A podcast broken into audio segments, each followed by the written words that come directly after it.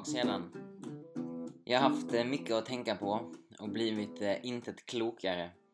Men i varje fall har podden bytt namn till eh, Nilsasken då jag inte vill bli för bunden till enbart klättring. Även om det givetvis är och förblir ett centralt tema för mig. Dagens färgglada avsnitt är med Jonas Sell. Vår andra konversation och ingen dålig sådan. Vi talar om att åldras med sin sport, rummet och tillhörande nycklar som inte alltid passar, att göra det för sakens skull och mycket annat. Tekniska problem resulterade i något låg ljudnivå denna gång, men jag hoppas att ni trots allt kan stå ut.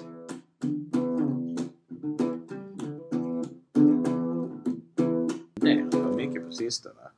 Det är ju det här med att åldras åldras inom klättringen. Ja.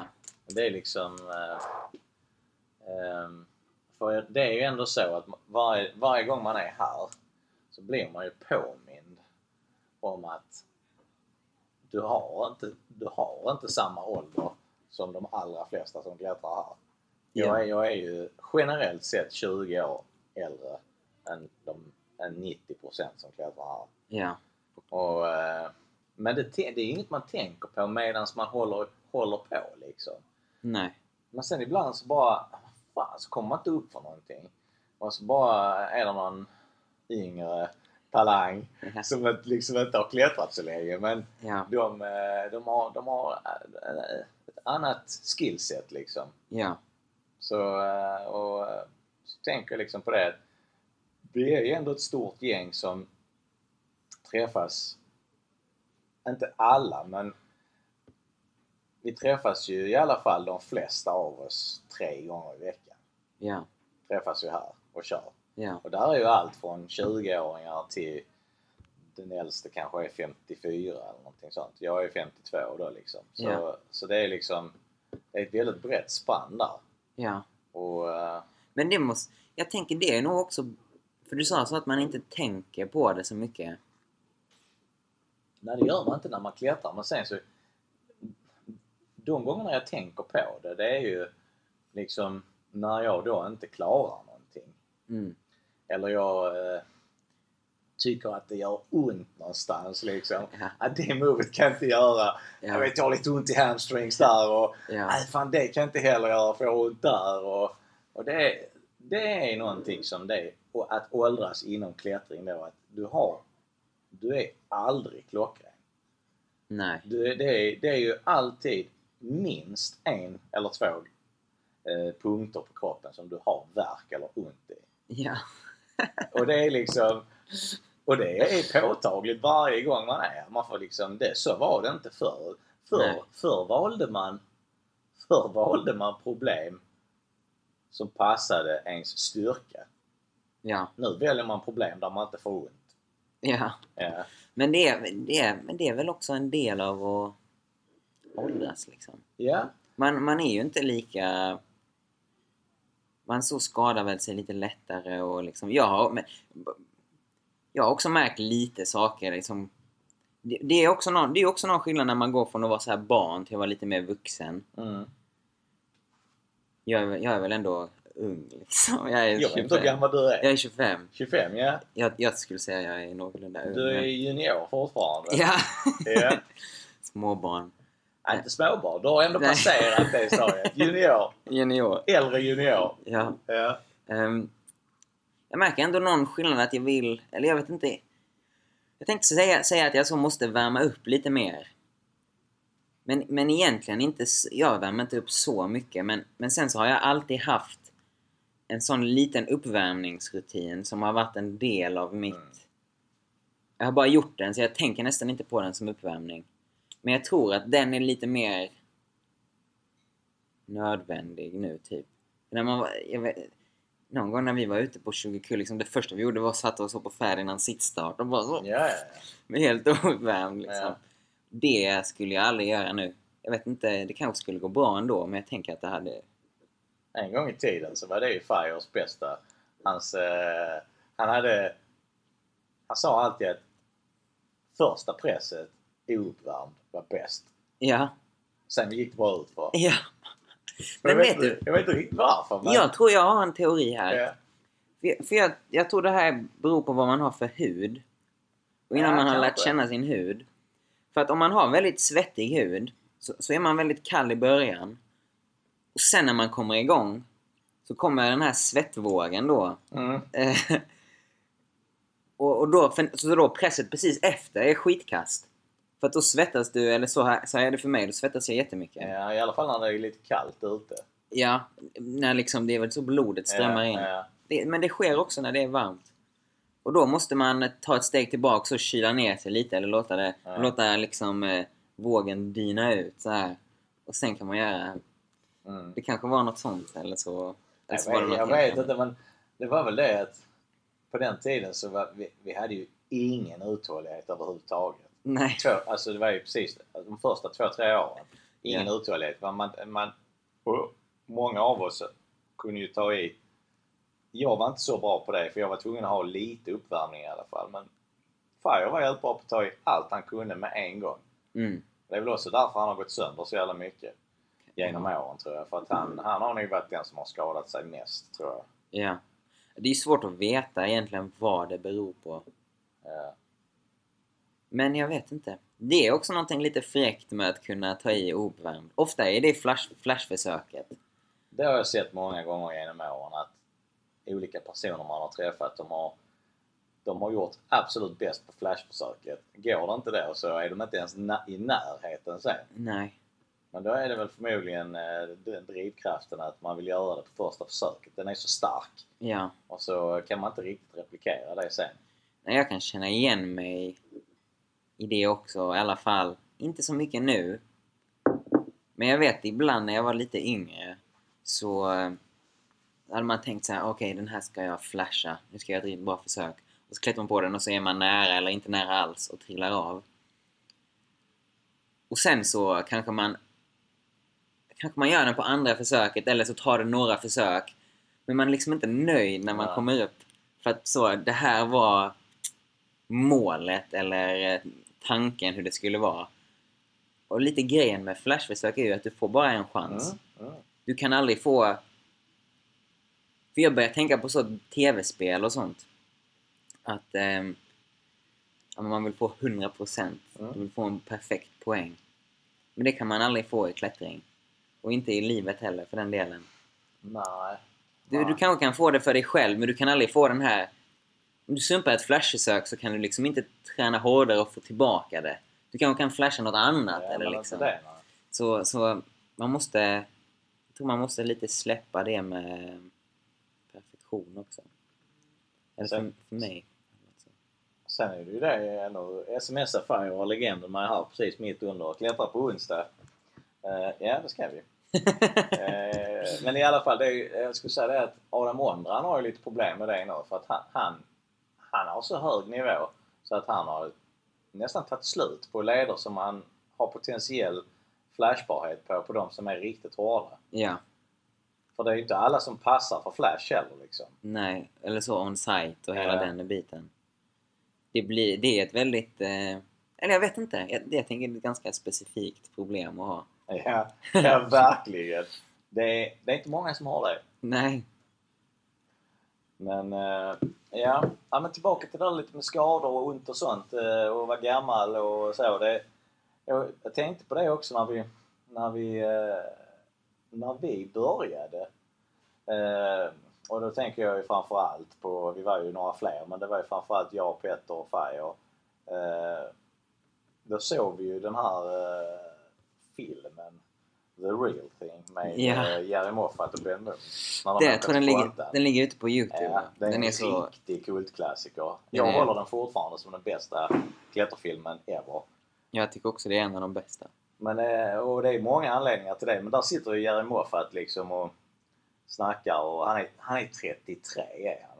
Ja. Och han säger det då liksom eh, I'm coming back from an injury, I always do, säger han då liksom. Och det, då tänkte vi så här, ja, då var vi 25 och han var 33 och vi tyckte de var gamla. Ja.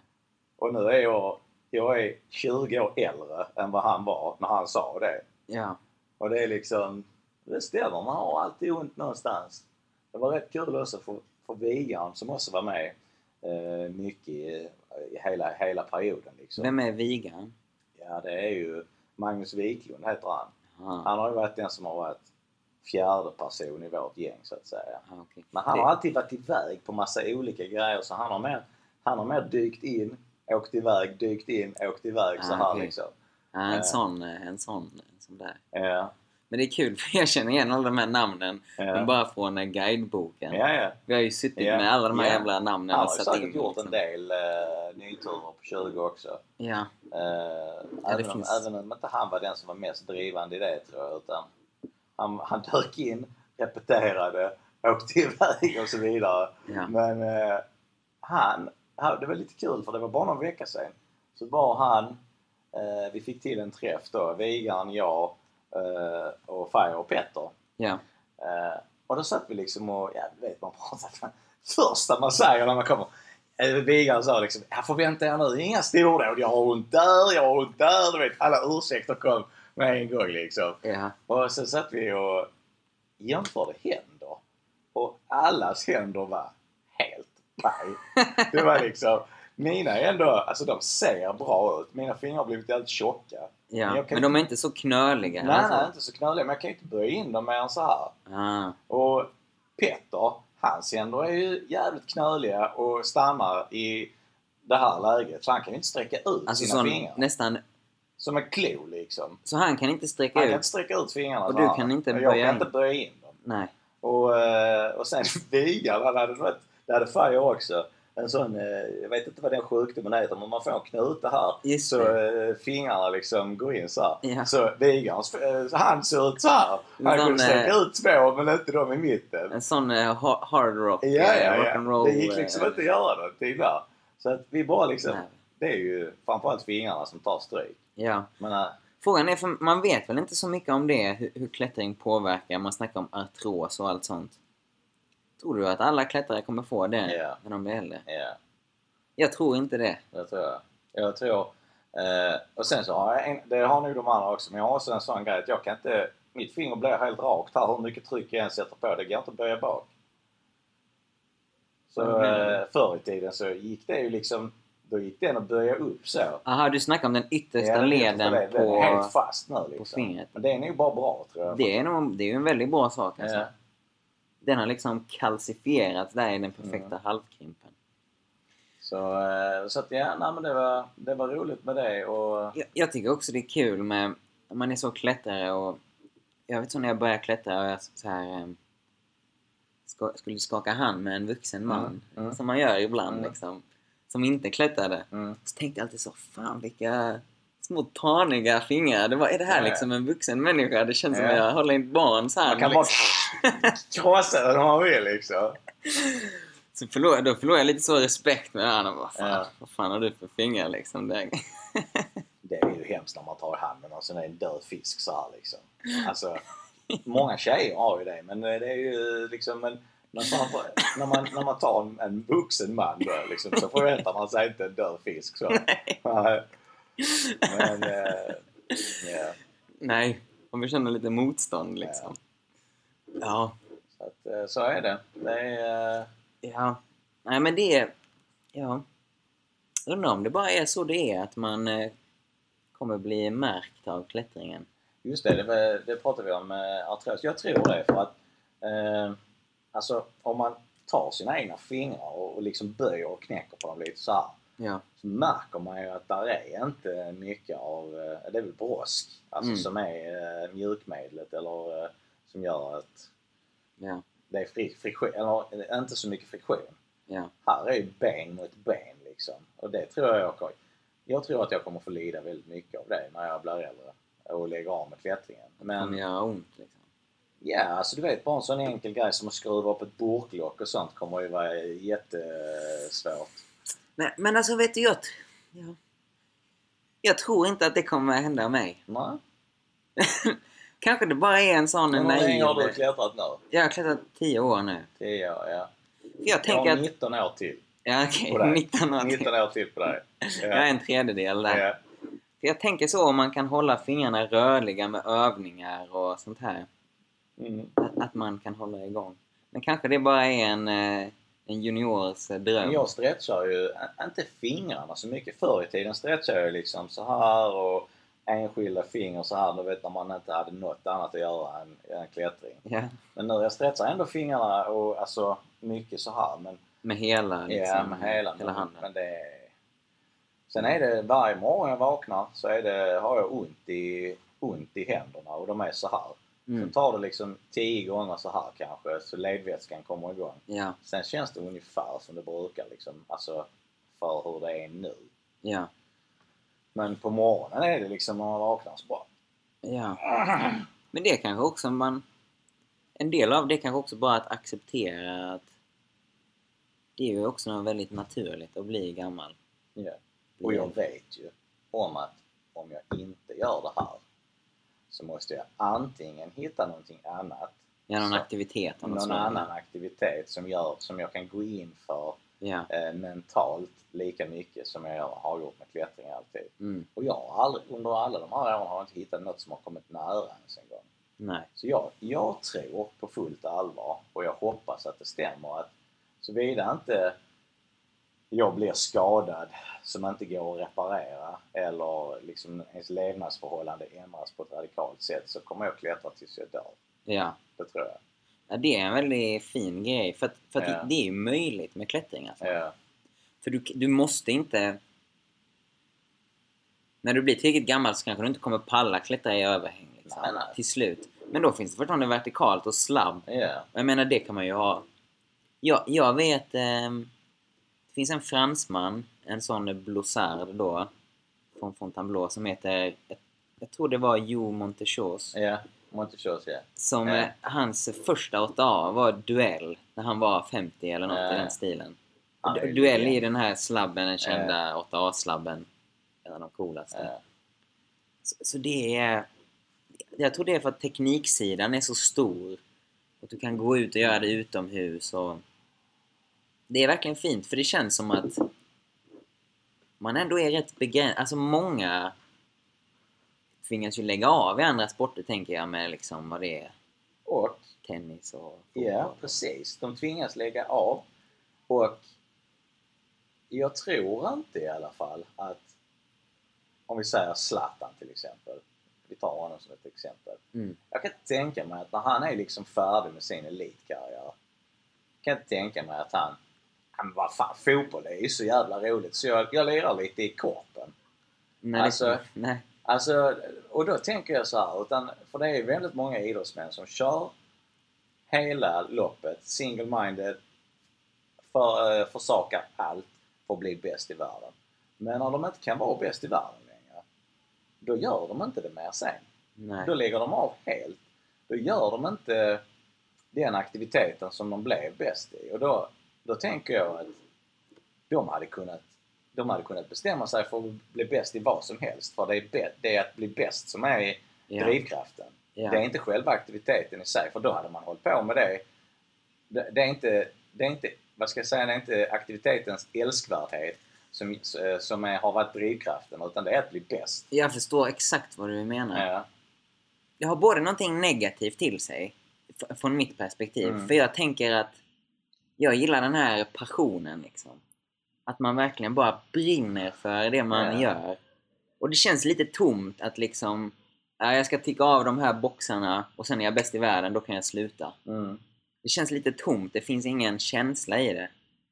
Men, men samtidigt tycker jag också det är någonting mäktigt i att så här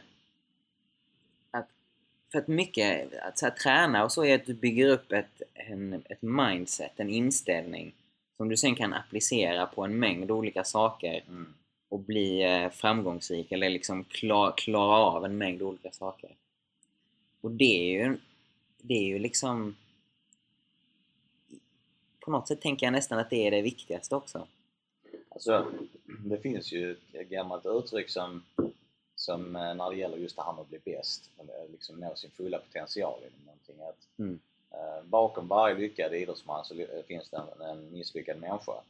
Eh, och Mm. eh, lite, lite, tror jag, i varierande grad givetvis, tror jag det ligger i det. För att, för att bli bäst i någonting så måste du du måste försaka så mycket annat på vägen. Ja. Eh, och sen måste du ha alla de här eh, eh, du måste ha alla de här eh, verktygen i din låda för att kunna nå fram till, till att bli bäst. Liksom. Det är ju, det är ju ytterst få som har det. Sen kan man kanske kompensera brist i någonting annat med eh, att man är jätteduktig på, på vissa saker men Mm. det är så mycket som krävs för att bli bäst och de som då blir det till slut de Ja. har ju försakat väldigt mycket av familj, kompisar, nöjesliv, eh, ja, Ja. massa av de eh, grejerna som egentligen är en stor del av mångas liv liksom. Ja. Nej, i de allra flesta fall så är det nog så. Men, men någonstans så tänker jag också att alltså det, det ultimata spelet är ju livet. Mm. Jag menar, sp spelet klättring är inte större för mig än spelet eh, livet.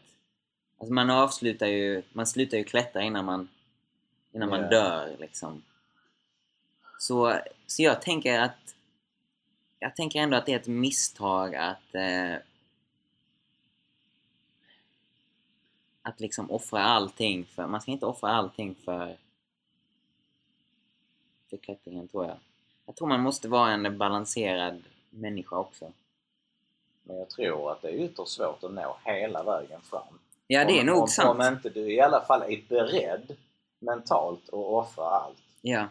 Är, Nej, jag tror inte du, du kan nog inte bli, du kan nog inte bli bäst om du inte sätter klättring eller sätter sporten i fråga högre än kanske till och med livet Mm. självt. Sen är klättring fortfarande en sån ung sport så att du kan fortfarande komma, komma, kan fortfarande komma väldigt långt genom att inte göra allting rätt. Mm. Men skulle du bli bäst på 100 meter till exempel, Ja. där det liksom, vi, ligger i, vi ligger nog hyfsat nära vad människan klarar av att göra. Liksom. ja, den har de ändå hållit på och slipat på i ett Ja. antal hundra år. Då, liksom. då kan du liksom inte göra någonting annat än, än bara det. Nej. Och sen kommer genetik och sånt på det också då för Ja. att liksom... Ja, där är det en väldigt tydlig, tydlig väg. På något sätt. Det känns som alltid att vägen i klättring är väldigt eh, otydlig. Vad man ska, vad man ska göra. För jag känner... Hur tänker du då? Alltså, Nej men liksom visst, du kan träna fingerstyrka och sånt här. mm, Du kan nå vissa mått i pull-ups. Men sen har jag sett video med folk som eh, är så sjukt starka. Jag såg en video på någon snubbe som liksom gör enarmar i den lilla listen på. Beastmakern. ja. Och sen nästa video så han så Yes, jag klättrar min första 7C. Menar, gör du ena, hade jag Ja, kunnat göra i den, Jag klättrar 8C. då, då liksom I hade jag flashat 8C eller någonting. Ja. Det, finns, det finns folk, och sen ett annat alternativ, eller ett annat exempel. Ehm, jag var i, ehm, i uh, och så klättrade jag med en eh, dansk. Ja. Vi, ehm, som var jättestark. Så må- många av danskarna de har ju ingen utomhusklättring så de är ju så grymt starka. Och han här liksom kan göra så enarmar i mono.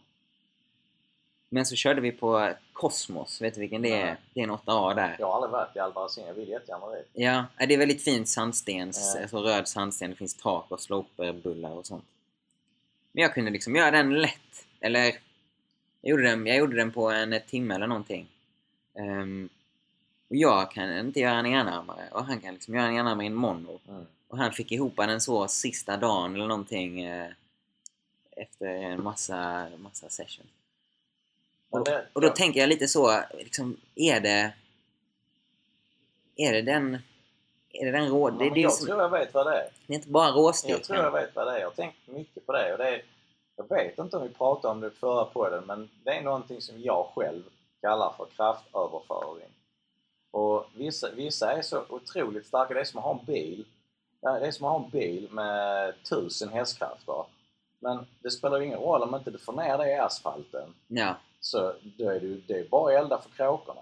ja. Det, du måste hitta verktyg och sätt att få, få ut den styrkan på klippan. Och det är både mentalt och tekniskt, tänker Ja, jag. ja framförallt tekniskt. Alltså, du, du måste kunna utnyttja den styrkan. Och där kan jag också ta ett exempel nu sist från när Vigan var här för två veckor sedan. Eh, det var det ett problem som jag hade gjort, som eh, han försökte göra. Eh, och han halkade av med foten hela tiden. Och, och så sa jag liksom, ja Regan, det här, är ju, det här är ju det problemet som jag har sett dig hundratals gånger. Det är samma problem alltid. Ja. Du är för stark i fingrarna och i överkroppen så du, du drar lite för mycket. Då släpper trycket för, på, från fötterna. Det är ju det som är kraftöverföring, att du måste kunna, du måste kunna dra lagom. Det gör ingenting om du har eh, mycket mer styrka. Men du Ja. måste kunna dra lagom Ja. för att du fortfarande ska kunna behålla trycket i asfalten eller på, eh, som det här, foten på greppen. Ja. Drar du lite för mycket eller drar på lite mycket, för mycket med gasen, då släpper, eh, släpper liksom ja. kontakten med ytan. Det bara snurrar det i luften istället. Så, så det är någonting som är, och det är ju en skill. Ja. Det är ju ingenting som man, det, det är ju en, vad heter det, vad heter det på svenska? Skill? Eh, Färdighet. Färdighet, Eh, ja. Och det är någonting som, en, mer en känsla liksom. Som, som kommer av erfarenhet tror jag, när man har klättrat mycket. Nu har ju Wigan klättrat lika länge som oss, men vissa, vissa saker kan man ju, Ja. är man ju bättre på än andra så att säga. Han är ju mycket, mycket starkare än mig egentligen. Ja. Men på något sätt så tror jag också... Jag får också en känsla att det har att göra med utomhusklättring. Inte nödvändigtvis för att det är utomhus, men för att... Jag vet inte exakt varför, men kanske för att det är lite mer tekniskt utomhus och du tvingas... Ja. Hade det varit så här tekniskt som på 20 kull eller på andra utomhusställen i inomhusgymmen med små steg, då hade kanske ingen börjat klättra, eller många Nej, hade det haft bara gjort ont. Ja, men, men ah, de som hade kommit igenom det testet hade ju varit tvungna att vara väldigt tekniska och kunna använda, utnyttja benen och trycka på olika sätt. Och liksom... Så det, jag tror också att det är en del av det, att få den mängden på något sätt.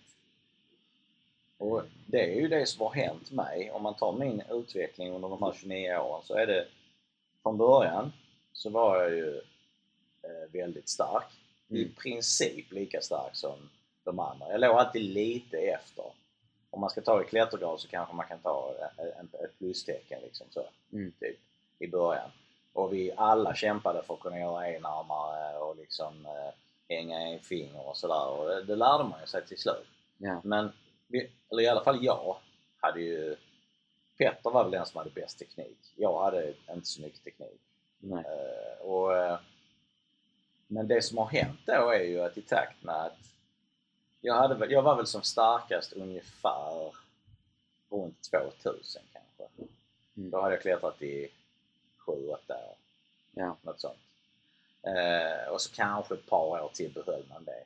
Men sen så har jag ju av olika anledningar liksom blivit successivt svagare. Nu har jag inte tränat för att bli stark heller men jag har liksom låtit det gå ner. Men Mm. det som har hänt är ju att andra förmågor inom, eh, eller färdigheter inom klättringen har ju slipats och skärpts upp. Ja. Så eh, till exempel, jag har alltid haft en bra vilja men jag kan ju komma åt den viljan eh, mer när jag vill nu så att säga.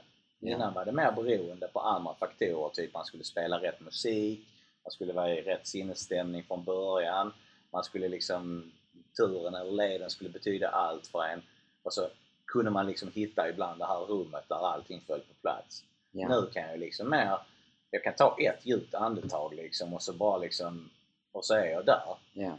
Men, och sen så, till, eh, så att det har ju blivit bättre att kunna plocka fram den här yttersta styrkan mer med viljan när, när man vill det. Jag, tror, jag tror också, jag vet inte om det var Petter som snackade om det, om det här rummet. Jo, Att hitta dörren. det är ju han och jag som börjar prata om rummet Ja. när vi bodde i Örebro tillsammans. Jag, jag gillar verkligen den liknelsen för att jag tror verkligen det är ett misstag att liksom behöva musik Ja. eller någonting. För, för, man, för då, då bygger du inte upp dig själv. Du måste bygga upp dig, alltså det måste komma från dig själv. Det kan inte vara något yttre. För då blir det, tänk så har du inte musiken, tänk Nej. så liksom Men då behövdes det många triggers. Ja. Och man var inte ens säker. Det var som att stå framför en rad dörrar. Man visste liksom inte... Vilken dörr. eller den dörren? Vilken ska jag öppna? Och ibland öppnar man rätt av, av, liksom, av en slump och ibland så kommer man aldrig in där. Ja. Men nu vet man, okej dörren är där. Jag behöver bara göra så här och så är, är jag där inne liksom. ja. Och det är Men rätt vad- så fräckt. Har du kommit fram till vad... Eh, hur hittar man dörren? Och hur hittar man den konsekvent? Jag tror det bara är en fråga om, om erfarenhet och att man gång på gång på gång eh, liksom står framför dörrarna och liksom, ja okej, nu är det dags. Eh, och man har varit i den situationen så många gånger så att det är för det första inte så farligt för en längre. Eller så liksom. Ja. Man är inte, jag, eller i alla fall jag, är inte rädd för att misslyckas längre. Jag hatar att misslyckas när jag väl har satt mig för att göra någonting. Men jag är inte alls rädd för att göra det. För jag vet att det är en del i processen. Det är nog en ganska stor pusselbit. Ja. Att man tar inte i allt. För då kan man, då kan man så säga till sig själv att Mm. ja, men jag kunde gett lite mer. Mm. Då är man lite säker på något sätt. Det är lite som det här också Men med, det är också fegt. som det här med att när man, när man tävlar i någonting. I klättring tävlar man mot sig själv. Ja. Men det är ju ändå så fortfarande det finns ändå en viss så här man mäter sig mot sina kompisar som man tränar med. Är man en människa så gör man ju det liksom. Man mäter sig. Alltså det var också någonting, jag ska försöka komma tillbaka till den som vi pratade om när vi träffades sist, gänget där. Men, men eh, man mäter sig mot, mot varandra liksom. Men, och, men man tävlar mot sig själv. Och när jag går på ett problem med, med avsikten att verkligen göra det, då Mm. tar jag i, alltså då kämpar jag för livet. Mm. Men går det inte och jag liksom landar på backen igen, då blir jag inte arg eller ledsen längre som jag blev förr. Utan då, har, då kan jag bara switcha över till ja, ja, okej, jag får ett nytt försök sen eller jag får ett nytt försök nästa gång. Ja. Eh, så att jag blir ju, för, förr kunde man ju bli, alltså man kunde knäckt en hel vecka för att man inte fick gjort sitt projekt liksom och vara sur och grinig och så och Ja. typ dålig förlorare. Ja. Men det, det har jag aldrig varit i någonting som jag har tävlat i. har jag aldrig varit dålig förlorare. Jag har kämpat till 100% när matchen är, väl är igång eller jag ska i, kämpa mot bollproblemet och kampen är igång. Då, då ger jag allt liksom. Men när det är, när det är över och det har varit en schysst kamp och jag har förlorat. Ja. Det spelar ingen roll. Jag vet att jag har gett allt. Ja. Eh, förr hade jag inte det lika mycket, men nu är det så liksom. Och jag tycker, jag, det säger jag alltid till mina elever.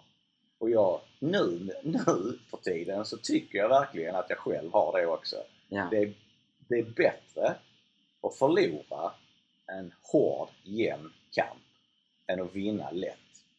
Men många som växer upp idag, de vill ju, bara, de vill ju vinna redan innan matchen är igång. De vill ju vinna med... Så jag sa till dem, vad är, det för, vad är det för nytta med att vinna med 10-0 i fotboll?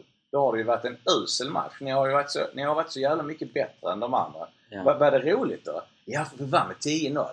Ja, men hade Ja. det inte varit roligare om ni, om ni, om ni förlorar med 10-9 och det var jämnt i 95 minuter? ja. Nej, Men det är tillbaks till det här om man gör det för sakens skull. eh, att liksom ha en riktigt bra kamp. Ja, jag vet inte. Jag, jag kan se båda sidor för att för det här med att vinna en match, det är lite som att klara ett problem, klara en linje. Och det känns ju, det kan ju kännas mäktigt att så flasha ett svårt problem och bara, det kändes lätt. Man kände sig som en eh, kung liksom, bara glider upp. Eh, och jag vet inte, kanske om man gör det då framför någon att det är mm, jag, jag tror aldrig riktigt att jag har så medvetet känt att jag blir mer glad om jag liksom krossar ett problem framför någon som de har problem med. Ehm, men ehm, det, det kan kännas bra, men men mycket mer minnesvärt oftast i när det blir en sån desperat Ja, ja. eh, kamp. definitivt alltså. För då måste du verkligen ta i. En flash, en hård flash är kul i max. Max det passet. Men om du har liksom har, eh, om du har gjort, om du har kämpat på ett problem 10 dagar så här, Ja. och du till slut lyckas göra det när du har gått igenom hela rundan med självtvivel och kom igen nu, kämpa och nu gör vi det här och liksom och sen så fan det gick inte idag och sen så när man väl till slut gör det, det sitter ju i jättelänge. Ja. Och det är någonting som man kan bygga vidare på i, i det riktiga livet sen liksom att ibland så tar det fan i mig emot länge och mycket Ja. men sen kan det också gå Ja. om du inte ger upp. Ja. Det är, det är väldigt sant. Det- är också den balansen mellan... För vad jag ibland tänker på är... När jag var yngre så, så störde jag mig alltid på om jag klättrade någonting slarvigt. Jag hade någon bild av att oh, jag ska klättra snyggt, jag ska klättra bra. Ehm, jag tror egentligen det kom ifrån... Jag tänkte inte så mycket på det till en början. Men sen började jag klättra med lite andra klättrare som, som eh, tänkte mycket mer så. Och då blev jag plötsligt medveten. Jag hade, det var liksom som att jag hade aldrig tänkt på det innan, att klättra dåligt. Det hade mer varit bara att man klarade eller man klarade inte. Men de eh, då... De vill göra med stil eller? Ja, eller man skulle klara hårda saker och man skulle klara dem snyggt. Mm. Ehm, och sen väldigt länge så tänkte jag så, man kan nästan man kan nästan bli lite jagad av något sånt för att det, det kan förstöra också att du klarar någonting som egentligen var väldigt bra men i ditt huvud tänker du Oh, det kändes dåligt, jag klättrade säkert dåligt. Men ofta tycker jag att, så, så har det varit för mig i alla fall, att om man klättrar någonting snyggt, Mm. då klättrar man inte tillräckligt hårt. För det är jättesvårt att göra någonting på sin gräns snyggt. För då har alltså att göra snyggt, ja, eh, liksom enligt konstens alla regler och sånt, då har du egentligen överkapacitet för ett problem. ja. Eh. Men, men det finns ändå det finns ändå en bana där du, där du tar i max men där du inte är en slarv eller när du kommer upp i slutet Mm. Där det egentligen är lätt. Det har ju hänt många gånger Mm. att man tabbar sig. Så, allt det var liksom... Eh, Det är nog mer en mental grej. ja, jo.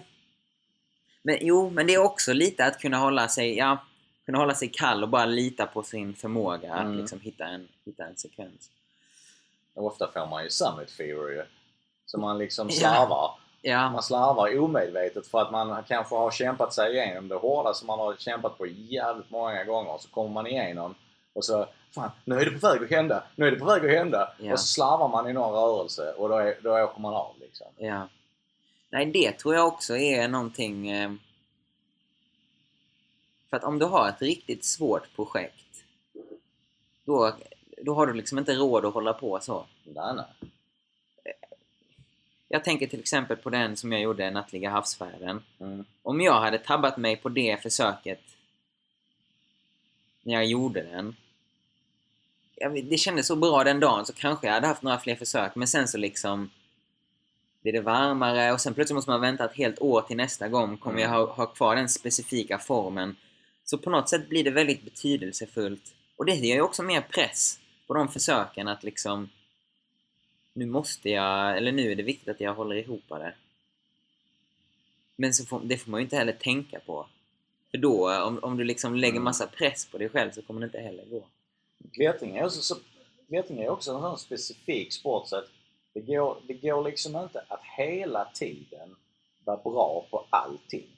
Nej. Utan min filosofi har alltid varit från början att jag tränar på det som jag vill klara för tillfället. Så är det något krimpigt jag vill göra och jag inte kan göra det, då Mm. tränar jag krimp ett tag tills jag kan göra det problemet. Och sen så kanske jag vill göra ett slopigt problem nästa gång som jag inte kan göra direkt. Då tränar jag slopers Ja. tills jag har gjort det problemet. Och då får man någon form av allround-träning liksom. Men man kan inte, man kan inte ha alla förmågor upptoppade hela tiden. Nej, det är hela tiden ett eh, utbyte. Mm. Det, är, det är absolut så och något problem eller tur vill man kanske vara mer uthållig för, för att kruxet ligger precis i slutet. Då får man träna mer uthållighet. Och, yeah. och tvärtom då liksom. Så att det är eh, ytterst få människor, om någon, som har allt hela tiden. Ja, det tror jag inte. Det tror jag inte är möjligt. Nej.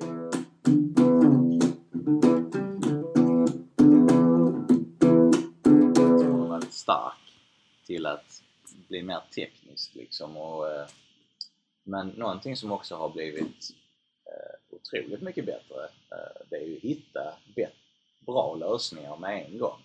Så att man slipper, man slipper liksom eh, hålla på och testa. Det gör jag i och för sig ändå, för jag vill alltid utesluta att det inte går att göra på vissa sätt. Ja. Men för att jag vill hitta den lättaste metoden för mig. Mm. Speciellt när det gäller problem som ligger nära min gräns. Då, då försöker jag alltid hitta den absolut lättaste vägen. Och oftast så blir det, eftersom jag då inte är så stark längre, så den, oftast är det så att den vägen jag hittar är den bästa vägen upp. För att den är lättast. Ja. Ja. Sen, men sen har man ju alltid olika stil och så. Men det, det får mig att tänka på en ganska kul sak. Att det beror lite på karaktären på problemet. Men ofta när jag gör ett flashförsök eller ett on-site-försök eller någonting. Mm. Så lite halvt desperat så hittar man någon metod. Mer ofta än inte. Så den metoden som bara spontant dyker upp som min kropp vill göra visar sig sen att jag sen kanske jag då hoppar in ner och så testar jag några olika sätt och så var de mycket sämre och så slutar det med att jag ändå gör. Ja, men det, så är det ibland. För det är liksom, man man ska lita på intuitionen tror jag. Precis, det är, jag, jag brukar säga det ibland att det är intuitiv klättring. Och det är, det är ju...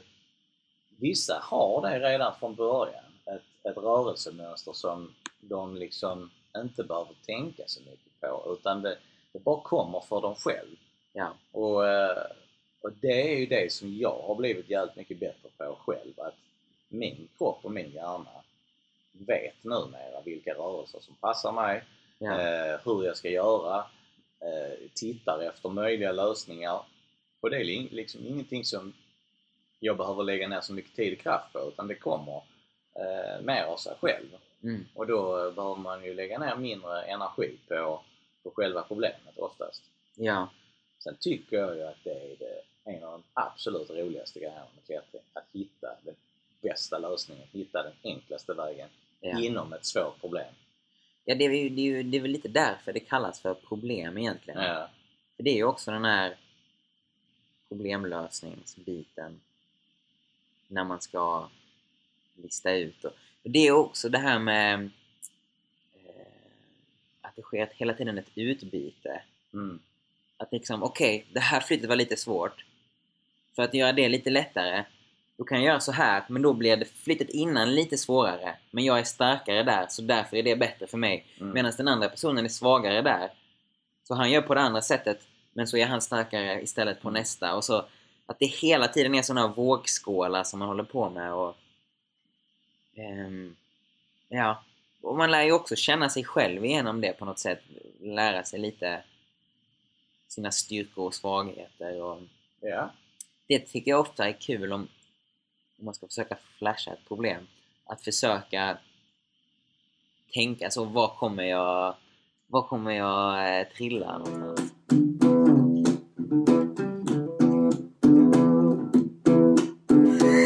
Nej men vet du, det är inte så ofta man har såna här långa konversationer. Nej. Och det är ganska, det är liksom svårt att hålla många saker i huvudet. Och ibland så får jag en sån känsla att, att jag måste säga allting som jag, jag måste få med allting. Men jag tror, jag har kommit fram till att det är lite är ett misstag. Att desto mer skillad man blir, desto mer av det man tänker kan man få med av sig själv. Men, Mm. men jag tror också det är bra att liksom bara låta det, eller för mig åtminstone, att försöka låta det flyta liksom och inte hänga upp mig på om jag glömmer någonting eller bara låta det... Men absolut, men jag tänker att som nu när vi sitter här och pratar och så, eh, så dyker det ju, i alla fall i mitt huvud, dyker upp sidospår hela tiden. Ja, ja. Som jag också vill ha med liksom. Ja, Som ja. det innan då jag skulle säga om vårt gäng. Men det är borta nu. Jag har Ja. ingen, aning om vad det var jag skulle säga. Nej, Men då hade det varit bra om man bara hade skrivit ner, skrivit ner ett ord liksom. Ja. Och så kan man bara... Ja just det, det var det jag ja, skulle det säga. kanske man skulle börja med att ha ett, ha ett papper liksom. Ja. Jag hade en grej till som jag tänkte ta eller snacka lite om. eh, Ja. Som jag har funderat mycket på. Eh, för jag är jävligt intresserad av armbrytning. Okej, ja. Jag bryter aldrig arm. Jag har inte gjort det på över 20 år, men jag är grymt intresserad av armbrytning. Kolla videos och Ja, sånt. ja, jag tycker det är så jävla coolt. Då vet du vem Devon Larratt ja, ja, ja, är? ja, ja, ja. Han är ju... Ja, Man kan inte säga det när man är 52, men han är typ en idol. Ja, ja. ja, men ja, han är så jävla cool alltså. Men, och du vet, de är, han är ändå 47 nu. Ja. Och sen är det en annan som, eh, som är eh, the GOAT då liksom, greatest of all time. Jag trodde han var det, han, Larratt. han är nummer två skulle jag säga. Okej. Där är en som heter John Brzenk. Som är, han är, han är 57. Ah, Och han, har- han, du vet, han, eh, han, han har varit outstanding i 40 år. ja. Och nu har han gjort comeback igen. Han, han hade uppehåll i typ sen 2015. Så gjorde han comeback förra året. ja. Och han har liksom, du vet han är 57. Han bara går in, han, han kan ju inte ta de allra största monstren för att de väger ju, han som gick den, som är nummer ett, han väger 180 kilo. Är det han från Georgien? Ja, ja. Vad heter han? Han heter Levan. Levin. Ja, Levan. Och han är ju Vad heter han i efternamn? Saganasvili eller någonting sånt. Saganasvili. Ja. Jag har sett en, de som svart hår som bara så går ner i ett skägg så, bara sån bäst liksom. Ja. Men han, så, han är ju så nära en silverback man kan komma Ja, i mänskliga evolutionen. Ja, Ja, men han, han, har ju, han har ju vägt typ 100 kilo från början. ja. Så på fem år eller något sånt har han gått upp 80 kilo. Det är nu han Levin. Ja. Ja. Men han John Brzenk i alla fall, han är 80 fem, kilo. 57 bast och bara går in och tvålar till alla sådana up and comers och Ja, även etablerade liksom i, i förhållandevis nära hans viktklass. Jag tror han är väl typ 110 kilo eller någonting sånt. ja, Och där, de pratar ju mycket i armbrytningen om någon old man strength. mm. Och det är liksom det vi brukar kalla för gobba power. ja, Men det är liksom, i armbrytning så är det då liksom en, en viss typ av stelhet i, i musklerna och lederna och senorna liksom. Det kanske är det vi snackade om innan. Liksom, det har, Som inte en ung person har. För de, de kan vara starkare, men de är liksom sladdrigare i allting om du förstår ja, menar. ja, Men, och det pratar de också om, liksom, när, de, när de tar han, John Brzenks arm och hand, ja, så är det som cement liksom. ja. Han bara så här låser, låser fast och sen kan de inte röra. Nej. att han är liksom... Och då är det det här, förmodligen det som jag upplever i fingrarna. Stelhet liksom. Mm. Man kan inte böja hans arm i vissa... eh, Om han bara, om, om han bara spänner till så kan de inte... Då, då får de nästan bryta Det är armen så mekaniskt. Ja, de får nästan bryta Ja. armen på honom. Ja, Så att eh, det är liksom nå- någon form av gammelstyrka som kickar in när man blir gammal då liksom. Och, och man har tränat ett helt liv liksom, ja, det sitter i. på vissa rörelser. Ja, jag, har varit, jag har varit inne och kollat lite på sånt också. Mm. Han, eh, ja, det är alltid kul. Jag, jag tycker alltid det är lite inspirerande med så olika träningsprogram av olika Mm. slag. Och jag, han är Devon Larratt som är då en kanadensare Ja. Med liksom så riktiga... Får Karl Alfred att se ut som Ja. en, ett småbarn. Och Liksom. han är ändå inte värst, men han är... Ja. eh, När de gör alla de här övningarna och tränar varje individuell muskel i underarmen Ja. liksom, och biceps och allt vad det är. Det är eh, rätt kul. Är det inte också någon av dem som har världsrekordet i eh, biceps curl? Jo, jo. Eh, jag tror det var någon nyligen som slog det med ett kilo eller något sånt. Men då använde han en annan stång Ja, som, okej. inte var, som är lite lättare. ja. Det, från början, de har, det är en sån stång som vi har här inne i gymmet, sån easy curl heter det. Som är, den går liksom så här som ett Z. Alltså, just det. så kan man liksom hålla så här. Ja. Men de nya stängerna, där kan man hålla mer så här. Ja, mer, eh, Mer hammer curls liksom. Men det ska tydligen vara lättare i just den rörelsen.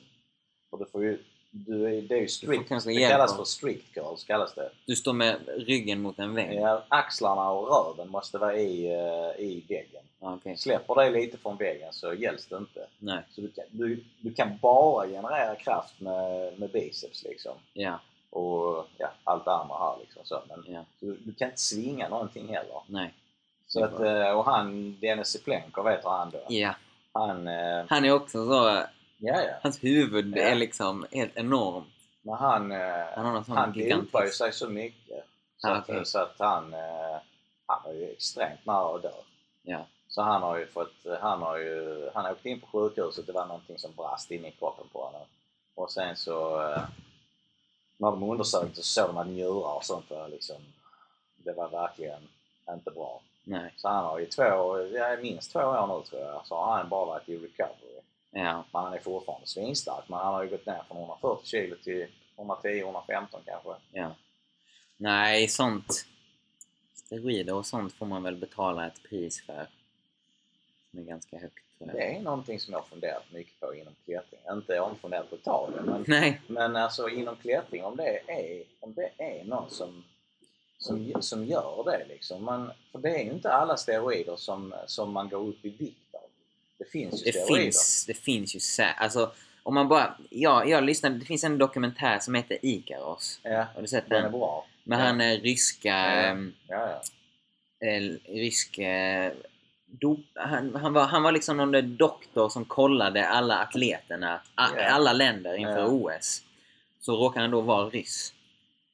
Och så råkar han ju då också eh, byta ut alla proverna för ryssarna. Mm. Eh, Mm. och, och, och, men, men han var ju... Och sen, sen då så berättade han väl sanningen för eh, den här amerikanaren som gjorde en dokumentär av någon anledning och sen så blev han ju han fick ju fly till USA liksom Mm. för att hans familj plötsligt försvann i Ryssland. Jag vet inte allt vad det var. Han var men, som visselblåsare. ja. Eh, men, men han sa ju då att om du vill vinna en medalj i OS så måste du vara dopad. Mm. Annars, annars, annars vinner du inte. Nej. Och då får man ju ett... Jag vet inte. Det är det här med att sätta klättringen eh, högre Mm. än eh, Är det livet. värt liksom. det? Det, det, det, finns, om man sätter klättringen högre än livet, då klart du ska dopa dig. Liksom. Är, är drivkraften att bli bäst? Då tror jag att... att Men det finns också den här ärligheten. Det är ännu mer liksom, vill du veta att du är bäst? Eller vill du vara bättre än alla andra? För om du vill veta att du är bäst, då tänker jag att man inte skulle dopa sig. Men om du bara vill vara bättre än alla andra, då spelar det ju ingen roll.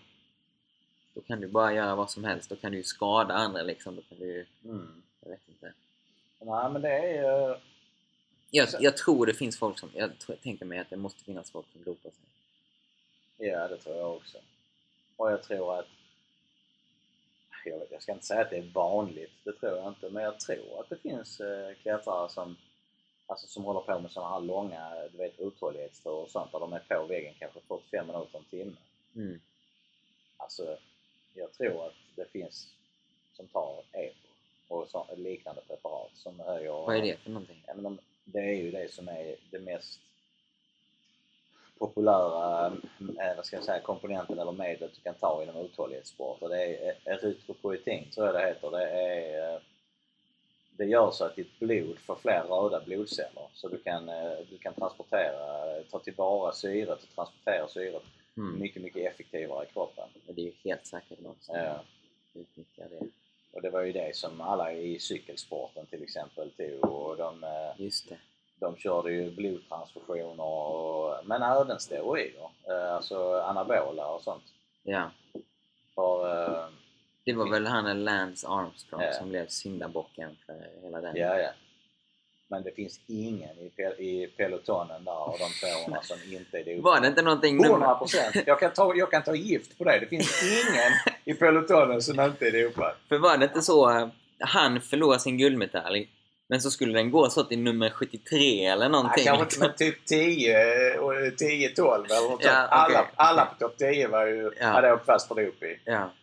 Så, ja, men eh, så att det finns ju, det finns ju gradskillnad på det där med, med, med dopning så att säga. Men jag, det är ju, men jag tror också det är så här att i och med att klättringen är en så ny sport eh, förhållandevis. Eh, Kanske inte är så mycket pengar i det liksom. det är inga pengar i det. Eh, och där är som, som vi har varit inne på flera gånger här, det är så många olika komponenter som kan göra att ens prestation höjs eller sänks. För man kan ju inte riktigt dopa sig för tekniken. Nej, precis. Och du kan inte dopa det mentala. Du Nej. kan inte dopa liksom att hitta lösningar. Du kan inte, det, är, det är ju styrkan och uthålligheten där också. Men, Ja. men det har ju visat sig att eh, än så länge i alla fall så behövs det inte i lika stor utsträckning. För du kan kompensera väldigt mycket med annat. Sen är det ju så att i Ja. den absoluta eliten då måste du ha en viss nivå av styrka för annars kan, annars kan du aldrig hålla i greppet. Ja, bara basnivån. Eh, Ja. nivån Men jag menar, de, jag vet inte hur mycket starkare man skulle kunna bli egentligen. För att jag har sett sådana sjuka videos också på, eh, personer som liksom de hoppar upp till en med en hand typ 4-6 mm list Ja. och sen bara hänger de där och sen drar de en enarmare. Och jag bara tänker så här. Hur, hur mycket mer stark ska man behöva vara? ja. Då är det inte det som är den begränsande faktorn. Nej, där, det känns ju verkligen som liksom att man, jag vet, jag tänker sig att man börjar närma sig liksom mänskliga potentialen för sen blir det ju så smått liksom Ja, ja. att du liksom kommer riva sönder, alltså du kommer bara hoppa till ett rakblad och skära upp Så- fingrarna. De individerna, bara de, bara de får tag på greppen Ja. så kan de hänga kvar. Men då är det, men nästa steg är ju då den här, med dina ord, kraftutveckling. Kraftöverföring. kraftöverföringen. Ja. Att liksom, där tror jag säkert det finns eh, en hel del eh, att vinna. För det, för det är inte så... Det är inte nödvändigtvis så uppenbart hur du tränar det. Det är inte så tydligt som Nej, att jag kan nej, lyfta så här nej, mycket i nej, min hand. Nej, nu nej, kan jag det. Alls. Utan det är mer... Ja, Det är en väldigt elusiv förmåga. det byggs upp liksom under lång tid och med olika erfarenheter. Och sen dessutom det mentala på det. Det är mycket det som de säger i Fontainebleau också. Att det där med, de säger trust your feet. Ja. Alltså det är liksom det spelar ingen roll på vissa problem hur mycket du drar med händerna för det är inte det det handlar om. Utan om inte du har ett visst tryck. Har du för mycket tryck på foten så åker du av. Har du för lite tryck på foten så åker du av. Du måste ha precis liksom och, och förflytta vikten precis hela tiden. Ja. Annars går det inte. Nej. Och så kommer det liksom en 8A-bowlare på, på en sån 7A-serie som tror att de ska cruisa det. Ja. Men då är de alldeles för starka för det problemet så de, de klarar, klarar liksom inte att anpassa sina rörelser efter vad det, det bowlet kräver. Ja, sånt gör mig alltid glad. Ja, ja, ja. Jag också. För den delen. Men vet du? En grej som jag kommer att tänka på nu. Vi var och klättrade på ett ställe i eh, Skövde. På ett block. Ehm, Var det i Getkyrkan? Nej, det var inte i Getkyrkan. Kanske vi kan snacka om Getkyrkan Ja, sen. jag har varit där en gång. Det var ett annat block. Ja. Ehm, där det liksom fanns en... Eh, fanns en eh, det var liksom en prow så här så finns det en start där du börjar på en hylla. Ganska lågt. Så klättrar du någon 6E plus eller något sånt. Så finns det en sittstart som är 7B. Man börjar med två små krimpar, något undertag och någon. Och så är det liksom någon... Och egentligen så bryr jag mig inte så mycket men jag, jag tycker bara det var så kul. Så är det någon som har tickat den här eh, sittstarten. Eh, jag tror kanske nedgraderat den, jag kommer inte ihåg. Säger så, ja jag kunde inte lyfta härifrån. Så jag började med handen uppe på hyllan.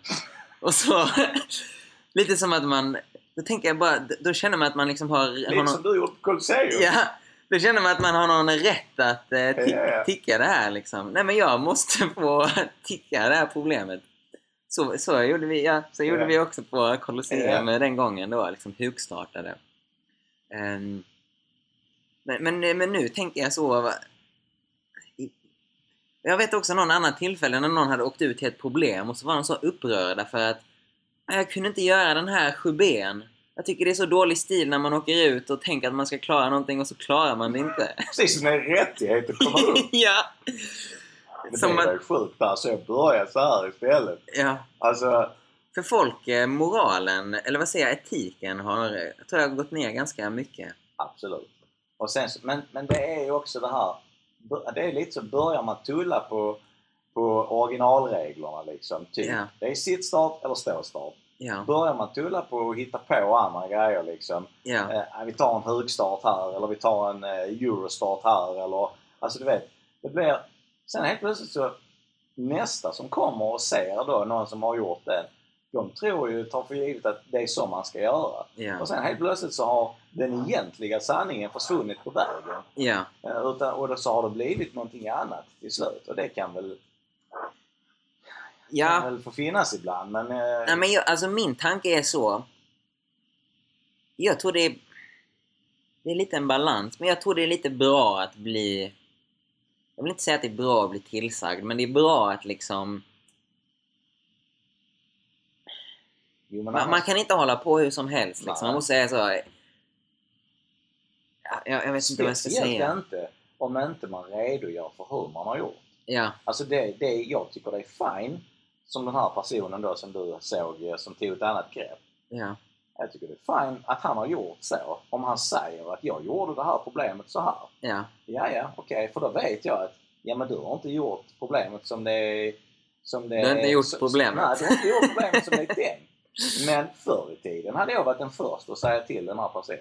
ja. Men idag så gör jag inte alltid det. Utan jag liksom, för att jag... Jag, jag känner rätt mycket att jag inte bryr mig så mycket om hur andra gör saker. Men jag kan fatta att det blir ett problem om man är sponsrad och allt sånt här. Ja, Och sen, sen finns det också så mycket, jag har mer och mer fattat när jag klättrat med korta personer och så här.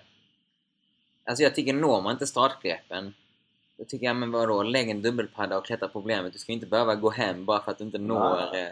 Men då genast började jag ha, då kunde den här personen börja liksom så här upp i axlarna Mm. istället för helt utsträckt och så vidare.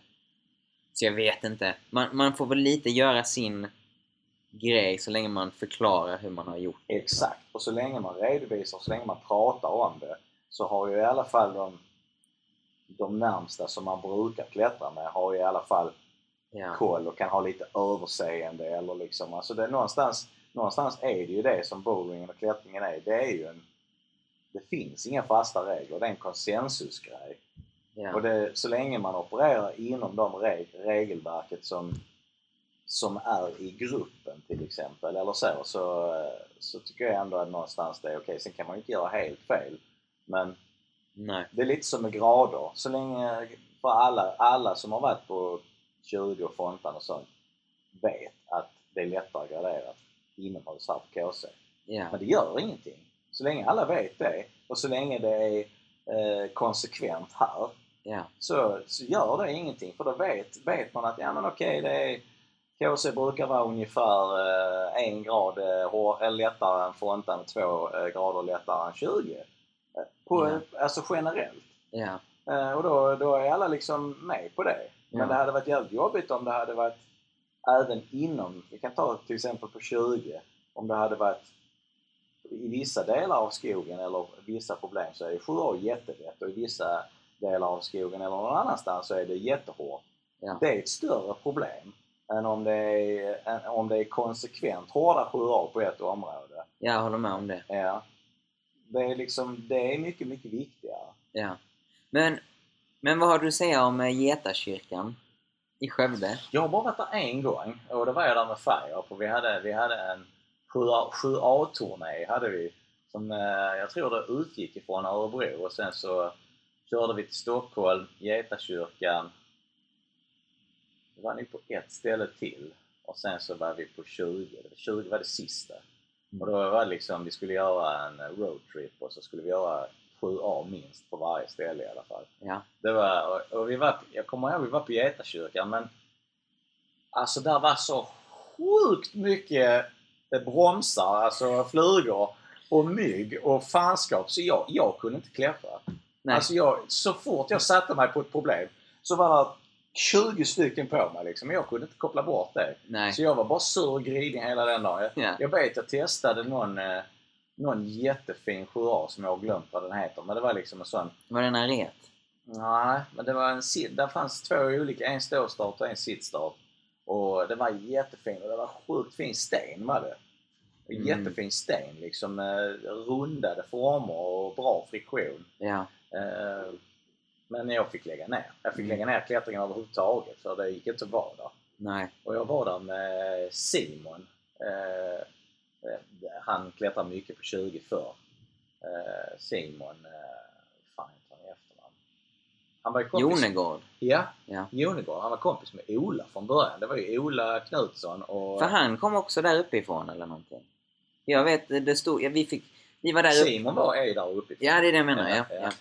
Det var han som visade oss uh, Getkyrkan. Sen flera år senare tror jag, nu, nu är det ju alltid så här med historia, men du vet årtal och när saker och ting hände, det börjar försvinna. Ja. Men jag tror att det var så att Simon var den som visade oss Getkyrkan. Sen något år senare så flyttade Mats Andersson upp i, som från Malmö Klätterklubb, Just det. flyttade han upp i trakterna där och började tillsammans med Simon utveckla det området.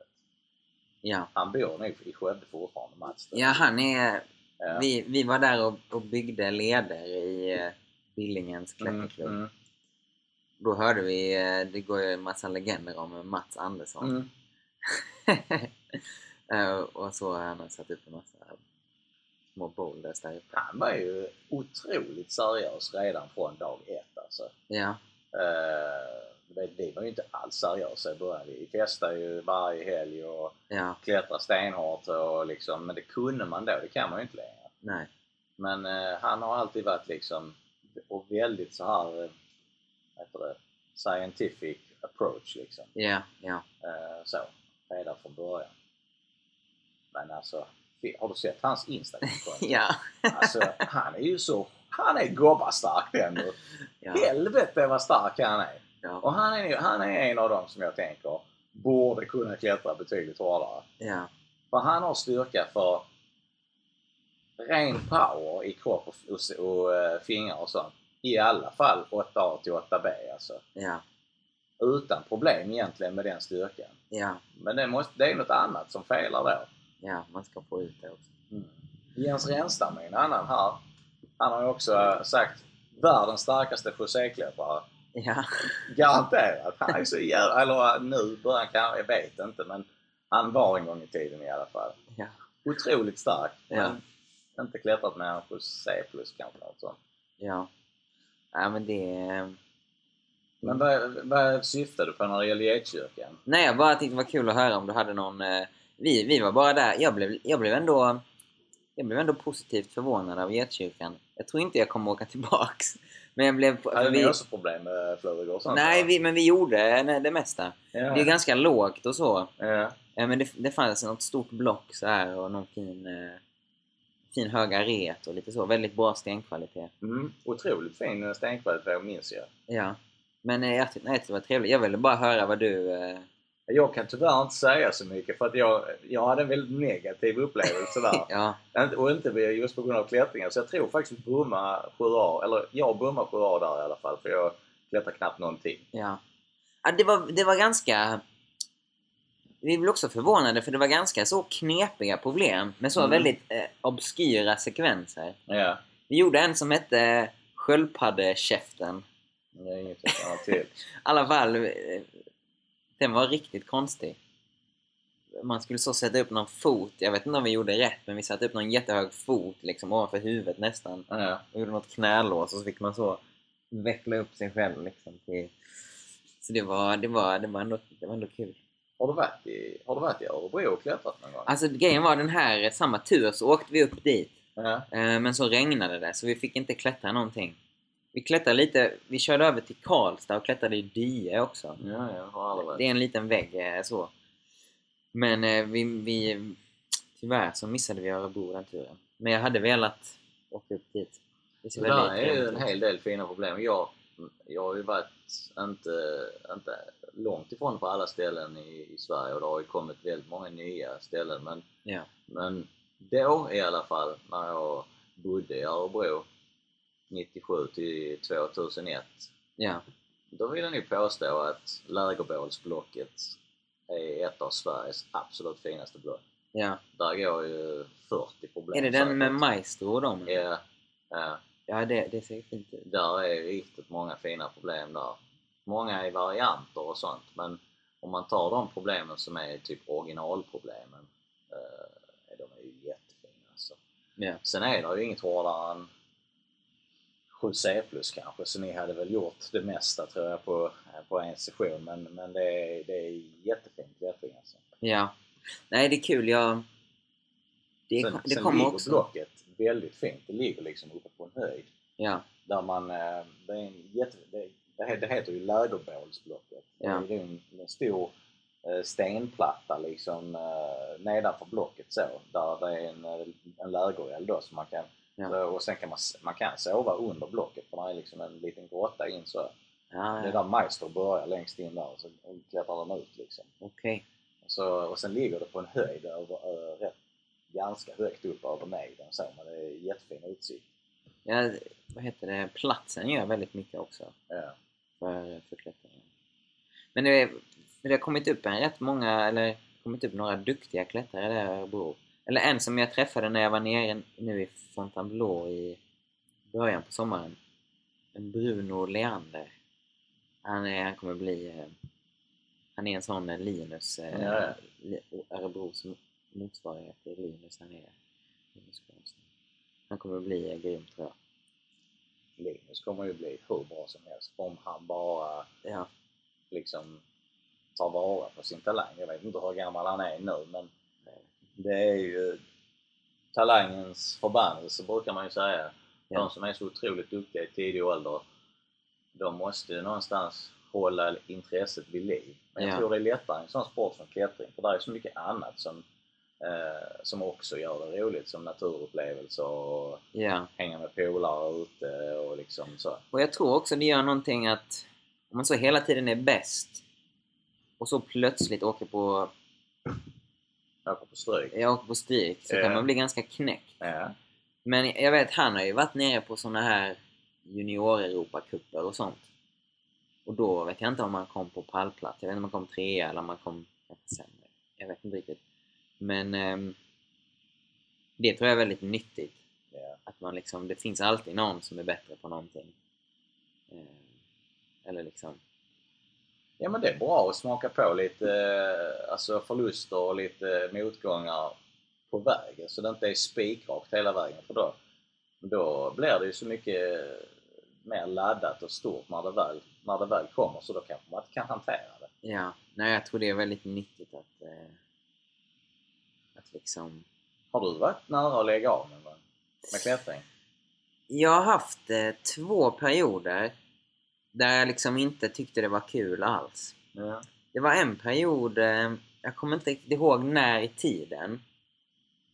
Ehm, men jag vet inte om jag var lite deprimerad, typ bara generellt sett. Mm. Så var det inte så kul att klättra. Jag tror jag körde lite på ett... Jag körde på något svårt eh, projekt på Hultasten, eller inte projekt, eh, benchmark, eh, Mm. den sittstarten och så. Och så kände jag kändes liksom inte kul. Jag tror det var rätt mycket att jag klättrade för eh, prestationen också. Um, men så...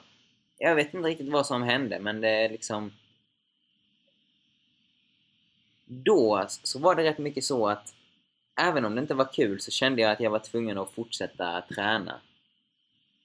För jag visste så, okej om du är ledsen eller inte ledsen, om du slutar träna så kommer du bli sämre. Mm. Naturen, eh, biologin bryr sig inte om eh, dina känslor liksom och Mm. så här. Så då fortsatte jag rätt mycket och bara knagglade igenom tror jag. Ehm, och sen tror jag jag hade någon annan eh, period, jag minns inte riktigt, men jag hade någon annan period också. Sen nu den här sommaren har jag inte, jag har inte klättrat så mycket. Eller ja, okej, det var ganska intensivt i början på sommaren men nu har jag haft en period där jag inte har klättrat så mycket. Och där har jag känt mig ganska tillfreds med det. Jag har inte känt, alltså jag har alltid haft någon hets. Att liksom jag måste, jag måste göra det här, jag måste utvecklas och... Men var det efter när du gjorde den eh, hårda eller? Ja, det var det. Men jag åkte också till Frankrike, till Fontainebleau efter det och klättrade rätt mycket. Sen åkte jag till Norge, klättrade där. Sen... Och... Men jag kommer inte ihåg i tiden, vi åkte till Skövde någonstans däremellan också, jag minns inte. Eh, Och klättrade och sen så var jag runt Det är lite. bara jag som börjar få dåligt minne av åldern. Nej, jag, jag, jag, inte, jag tycker det är så svårt med dåtid liksom. Mm. När eh, jag gillar nuet liksom. Och så. Men ehm, ja, så det har varit rätt eh, skönt att inte känna den hetsen just nu. Jag hade någon sån, sån tanke att liksom, ja, men jag skulle kunna sluta klättra. Det hade varit... Eh, Hade du det nu eller? ja, jag tror det. Ja. Jag hade inte velat för jag, det, jag tycker det är kul och det ger mig någonting men innan så var det så helt otänkbart. Jag tror det hade varit så ett total katastrof om jag hade jag vet inte, skadat mig eller något sånt så att jag Mm. inte kunde. Nu tror jag det hade varit eh, okej om jag inte kunde klättra men jag hade behövt göra någonting annat. Jag tror jag hade kunnat börja springa så långa sträckor så riktigt Det plåga mig själv. Det. det är många som gör det. Ja. Som, har, eh, som har hamnat där istället liksom. Ja. Jag vet eh, Christian Andersson. Mm. Han, eh, han klättrar ju fortfarande men han klättrade jättemycket förr. Ja. Han springer han ju mycket eh, långa ultramaraton och sånt. Ja. Och sen så har vi en som heter Kristoffer som klättrar mycket innan som bor i Ystad. Ja, Ja. Ja, han, Just det, han börjar också han har springa. också börjat springa mycket. eh, Så. Det verkar vara någonting med de här långa, riktigt långa sträckorna. ja. Det är ju ett jävla lidande alltså. Ja, Men, eh, men det, på något sätt så Ja, tilltalar det mig ja, lite. det är en fin gräns mellan smärta och eh, Ja. skönt. Ja. Nej men jag tror det händer någonting där när man, man liksom verkligen lär känna sig själv när man... Ja. För vi gjorde, vi gjorde en, en sån här cirkel på 20 där vi gjorde 80 problem på en dag. Eh, Och sen så gjorde jag och Marcello eh, 100 problem på en dag. Av de här klassiska cirklarna, Ja. du vet i den boken som vi satte ihop. Ja. L-cirkeln, 5 minus-cirkeln, 5 plus, 6A. Det blir 80 och sen la vi på 6B-cirkeln. Eh, och då blir det 100 problem. Och då tänkte jag så, fan det här är jävligt kul med uthållighet. Jag ska testa och springa lite också. Så då hade jag en dag när jag sprang två mil. Från ingenting. Ja, typ. Och det var så frukt... Alltså jag tänkte så, hur illa kan det vara? Jag liksom, vi, vi gick säkert eh, minst en mil när vi klättrade de här problemen. Mm. Hur svårt kan det vara? Men det var liksom en helt annan sak. Men att du bara kunde göra det. Ja, det var riktigt. Det var en av de svåraste sakerna jag har gjort på riktigt länge. För jag, fick, jag hade så bestämt mig för att jag inte fick gå. Hade du bestämt dig för att springa två mil? Ja. Okej. Nej, nej. Jag skulle springa till min farfar och tillbaks igen. Ja, ja. Ehm, men det var typ, jag visste inte hur långt det var. Det var först efteråt jag visste att det var två mil. Ehm, men jag, jag hade så bestämt mig för att jag inte skulle gå. Så i slutet var jag så helt eh, fördärvad i huvudet. Och så var det en sån process hela tiden att så här. Ett steg till. Nej men för det var så här bara, nej men du kan stanna upp liksom. Och så tänkte jag så här, nej men det kan jag inte göra. Och sen så var det hela tiden en ny anledning att stanna upp. Ja. Och det var så, det var riktigt svårt att inte göra det. Men jag hade så ändå bestämt mig att jag inte Men skulle du göra det. klarade det. Ja, jag gjorde Hur det. mådde du dagen efter? Jag mådde ganska Hur bra. var benen? Ja, de du- var ganska stela Hade du liksom. en träningsvärk? Jo, lite, men inte jättemycket. Men, eh, men senare så skadade jag min fot. Ja. Ehm, och jag tror kanske att det, att det, att, att, det var, att det var lite därifrån, tänker jag mig. För vi var på midsommar, så var vi och dansade på en jävla svartklubb. Då stukade jag foten. ja, ja. Klockan fem på morgonen eller Ja. någonting. Jag tänker att det var liksom... Det byggdes upp eh, under en lång tid. Och Det är lite som det här nu också när, när man då, vi eh, äldre, liksom, vi kan fortfarande göra klätterrörelserna Ja. bra. Men ska du göra någonting annat där du behöver ta i, Mm. eller du liksom hamnar utanför balansen någon gång eller sådär, Ja. skadar man sig direkt. Ja. För då är, man, då har man inte, då är inte kroppen van vid de rörelserna liksom. Ja. Ja, Ja. verkligen. Som, eh, det, är ju, det är ju också en sån grej som är rätt så klassisk. Det kanske är andra idrotter också men jag har bara hört talas om det när det gäller klättring. Att folk som renoverar hus till exempel. Mm. Alltså sådana do it yourself injuries. Ja. Alltså vet man, man, måste, man, man måste sätta plattor i tak en hel dag till exempel. Ja. Och så, du vet, du, du, det är ingen annan som kommer göra det åt dig så Nej. du måste göra det. Ja. Ja, och sen så inser du att det är väldigt jobbigt och det gör ont. Ja. Och sen så dagen efter eller nästa dag så har du inflammation i axeln eller någonting Man kan sånt. verkligen alltså helt fucka sig på Ja. sånt. Ja. Jag fick något litet jobb där jag skulle hjälpa några att riva ut en lägenhet. Såna hantverkare liksom. och så skulle vi bära ner något jävla kylskåp för så här två våningar upp eller tre Mm. våningar upp. Ja, ja. Det var lite... För då, jag blev så jävla pumpad av att bära den här. Ja. Och han bara, men vad fan du är jävla klättrare, skärp dig liksom. Den får man höra ofta. Den får man höra ofta. Och jag var liksom, jag var riktigt på gränsen med den här Ja. när vi kom fram och så fick jag så låtsas som att det inte var någonting. Men jag, jag var så jävla trött i händerna. Men jag vet inte, för det är ett lite konstigt läge och Ja, ja. kanske han har någon teknik där som han håller på som jag inte riktigt fattar och liksom...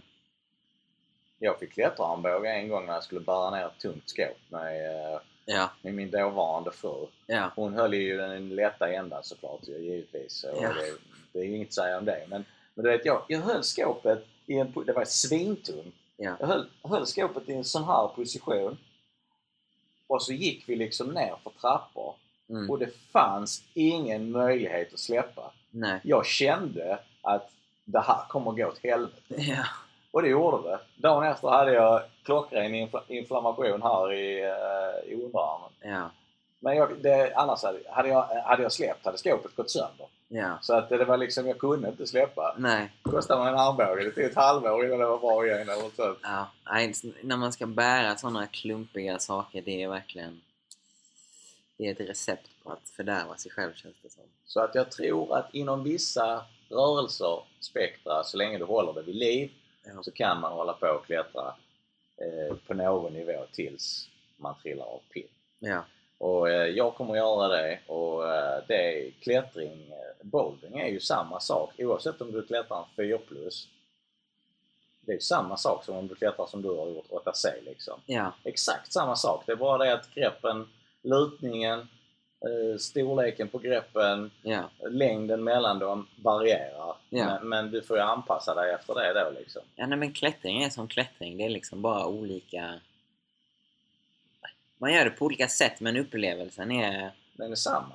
den är ganska lik. Ja, Liksom. det tror jag. En, en, en person som, nu är det kanske inte många som har det, men vi säger någon som har 5 plus som sitt absoluta max. Ja, De har ju samma upplevelse när de, när de klarar det som, som om jag ska klara en numera 7B säger vi, som är ungefär min absoluta gräns just nu. ja, Eller du klättrar 8C, din absoluta gräns. ja. Alltså det, det är ju samma upplevelse. Men frågan är om det är det. För det är ändå lite annorlunda. Jag tror det faktiskt. Tror Ja, det. du kanske har rätt. Jag vet inte riktigt. Men jag tänker så om man klättrar en 5 plus här inne. Eller om du klättrar en eh, 7B på en stor överhängande vägg. Liksom. Ja men då är det andra parametrar alltså, som också är med i det. Jag Ja. tänker, Nej men om du klättrar en 5 plus utomhus på en stor vägg, den Ja. kan inte vara så brant. Så du kommer få en lite annan upplevelse när det är brant och exponerat och liksom...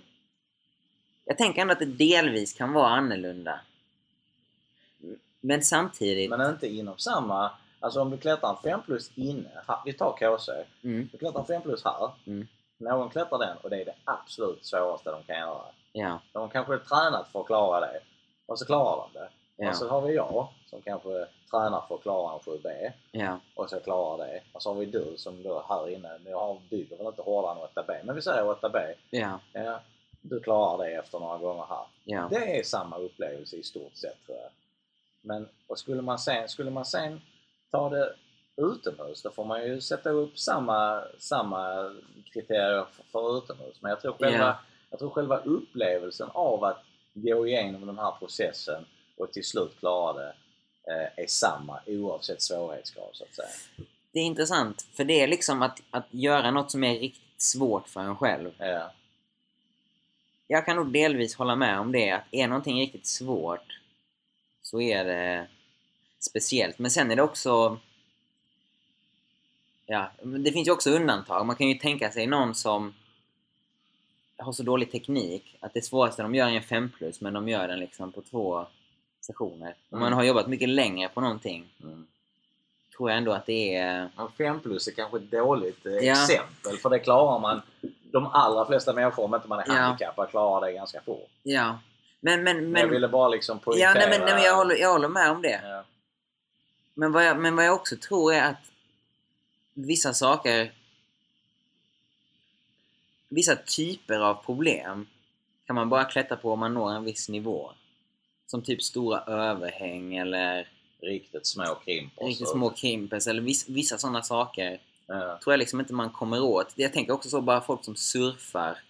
Om du inte är riktigt duktig så kommer du aldrig kunna surfa på en sån stor våg. Nej. Och det är säkert det är säkert ganska annorlunda från att surfa på en liten våg och liksom jag tror det finns vissa sådana saker som man kan eh, nå. Surfing är nog ett bra exempel också på eh, en, eh, vad ska man säga, aktivitet. För det, jag vet inte om, jo det är väl sport det också. Men, Det är alltså, lite likt klättring. Ja det är det, för att där kan man ju, från att man är ung då och liksom blir bättre och bättre och bättre så söker man ju större och större utmaningar. Ja. Och I surfing det är det väl, antar jag, större och större vågor.